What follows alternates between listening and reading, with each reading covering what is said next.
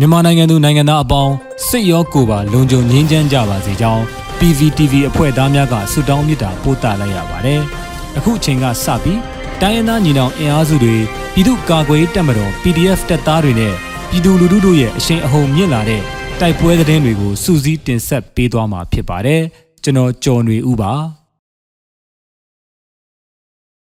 ပထမဦးစွာ KNU တပ်မဟာ9နယ်မြေမှာတရက်အတွင်းတိုက်ပွဲအကြိမ်ကြိမ်ဖြစ်ပြီးစစ်ကောင်စီဘက်မှ၄ဦးသေဆုံးတဲ့တဲ့တင်တင်ဆက်ပါမယ်။ကရင်အမျိုးသားအစည်းအရုံး KNU ရဲ့ကော်တူးလေအုပ်ချုပ်နယ်မြေမူဒရောခရိုင်တပ်မဟာ9မှာအကြမ်းဖက်စစ်တပ်နဲ့ကော်တူးလေတပ်မတော်ကြားစက်တင်ဘာလ23ရက်ယမနေ့မှာ6ကြိမ်ပစ်ခတ်တိုက်ခိုက်မှုဖြစ်ပွားပြီးစစ်ကောင်စီဘက်မှ၄ဦးသေဆုံး2ဦးဒဏ်ရာရကစစ်သုံးကားတစ်စီးပျက်စီးသွားကြောင်းမူဒရောသတင်းစင်မှာဖော်ပြထားပါတယ်။ ဘူးတူမြို့နယ်အတွင်းရှိနတ်တောင်စစ်တပ်စခန်းကို2ကြိမ်လူသောမြို့နယ်ဝါဒိုဒင်းမှာ2ကြိမ်ထော်မူလယ်မဲမှာ2ကြိမ်ဒွယ်လုံးမြို့နယ်ဝါတိုးခိုကျေးရွာနီးမှာ2ကြိမ်မဲဝိုင်စခန်းအနီးမှာ2ကြိမ်စစ်ကောင်စီတပ်ဖွဲ့များကိုကော်တူးလီတပ်မတော်တပ်မဟာ9လက်အောက်ခံတပ်ဖွဲ့များကတွားရောက်တိုက်ခိုက်ခဲ့ခြင်းပါ စက်တင်ဘာလ22ရက်နေ့မှာဖပွန်ကမာမောင်းလန်းမိုင်းတိုင်း40အနီးလှုပ်ရှားနေတဲ့ BGF တပ်ရင်း139တပ်ဖွဲ့ကဘူးတူမြို့နယ်ကြောပါကြီးရွာအုပ်စုဒီညာထာဒေတာအတွင်းသို့60မမလက်နက်ကြီးကြီးနှလုံးပစ်ခတ်ခဲ့ကြောင်း KNU တပ်မဟာ9ကသတင်းထုတ်ပြန်ထားပါတယ်။ဆက်လက်ပြီးမတူပီဟာခါလမ်းမိုင်းမှာစစ်တပ်နဲ့ CDF ကြားတိုက်ပွဲဖြစ်ပြီးစစ်သား3ဦးသေဆုံးတဲ့တဲ့တင်တင်ဆက်ပါမယ်။ ချင်းပြည်နယ်မတူပီမြို့နယ်ဟာခါမြို့ဆက်သွယ်ထားတဲ့ကားလမ်းမှာ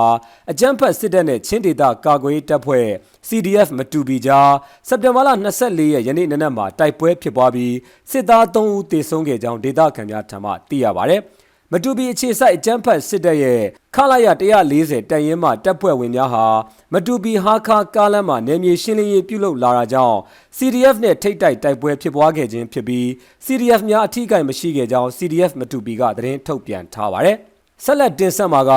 မြိုင်တရက်ကန်ရှိစစ်တပ်နဲ့ပြူစောထီးများကို PDF ဝင်ရောက်တိုက်ခိုက်လို့6ဦးသေဆုံးတဲ့သတင်းပါ။ မြိုင်မြို့နယ်တရက်ကန်ကြီးရွာမှာတက်ဆွဲထားတဲ့စစ်တပ်နဲ့ပြူစောထီးများကိုဒေသကာကွယ်ရေးတပ်ဖွဲ့များကစက်တင်ဘာလ19ရက်ညနေပိုင်းမှာပြစ်ခတ်တိုက်ခိုက်ရာ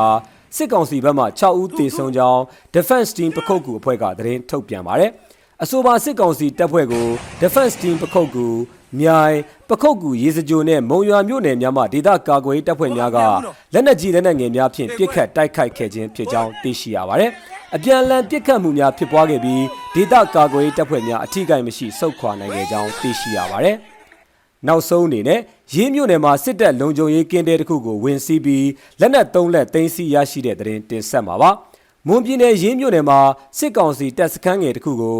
YGF ရေးပျောက်ကြားတပ်ဖွဲ့အပါအဝင်ပူးပေါင်းတပ်များကယနေ့ဝင်ရောက်စီးနင်းရာစစ်သားတဲ့ပြူစောထီများထွက်ပြေးတာကြောင့်လက်နက်၃လက်သိမ်းဆည်းရမိကြောင်း YGF မှတာဝန်ရှိသူတို့ကရန်ကုန်ခေတ်သစ်သတင်းဌာနထံသို့ပြောဆိုပါရယ် YGF ရေးပျောက်ကြားတပ်ဖွဲ့နဲ့ပူးပေါင်းတပ်ဖွဲ့များဟာစက်တင်ဘာလ23ရက်နေ့နနက်4:30မိနစ်အချိန်ခန့်မှာ ခလာရ988တပ်ရင်းနီးကျိုးတရာဖုန်ကြီးကျောင်းကုန်းအပေါ်တွင်တက်ဆွဲထားတဲ့အကြမ်းဖက်စစ်ကောင်စီနဲ့အကြမ်းဖက်စစ်ကောင်စီရဲ့လက်အောက်ခံပြူစောထီးများရှိရာကိုဝင်ရောက်စီးနင်းခဲ့ရာတနက်၃လက်နဲ့ဓာတ်လက်ကိုတင်စီရရှိကြောင်းသိရှိရပါတယ်ခင်ဗျာ။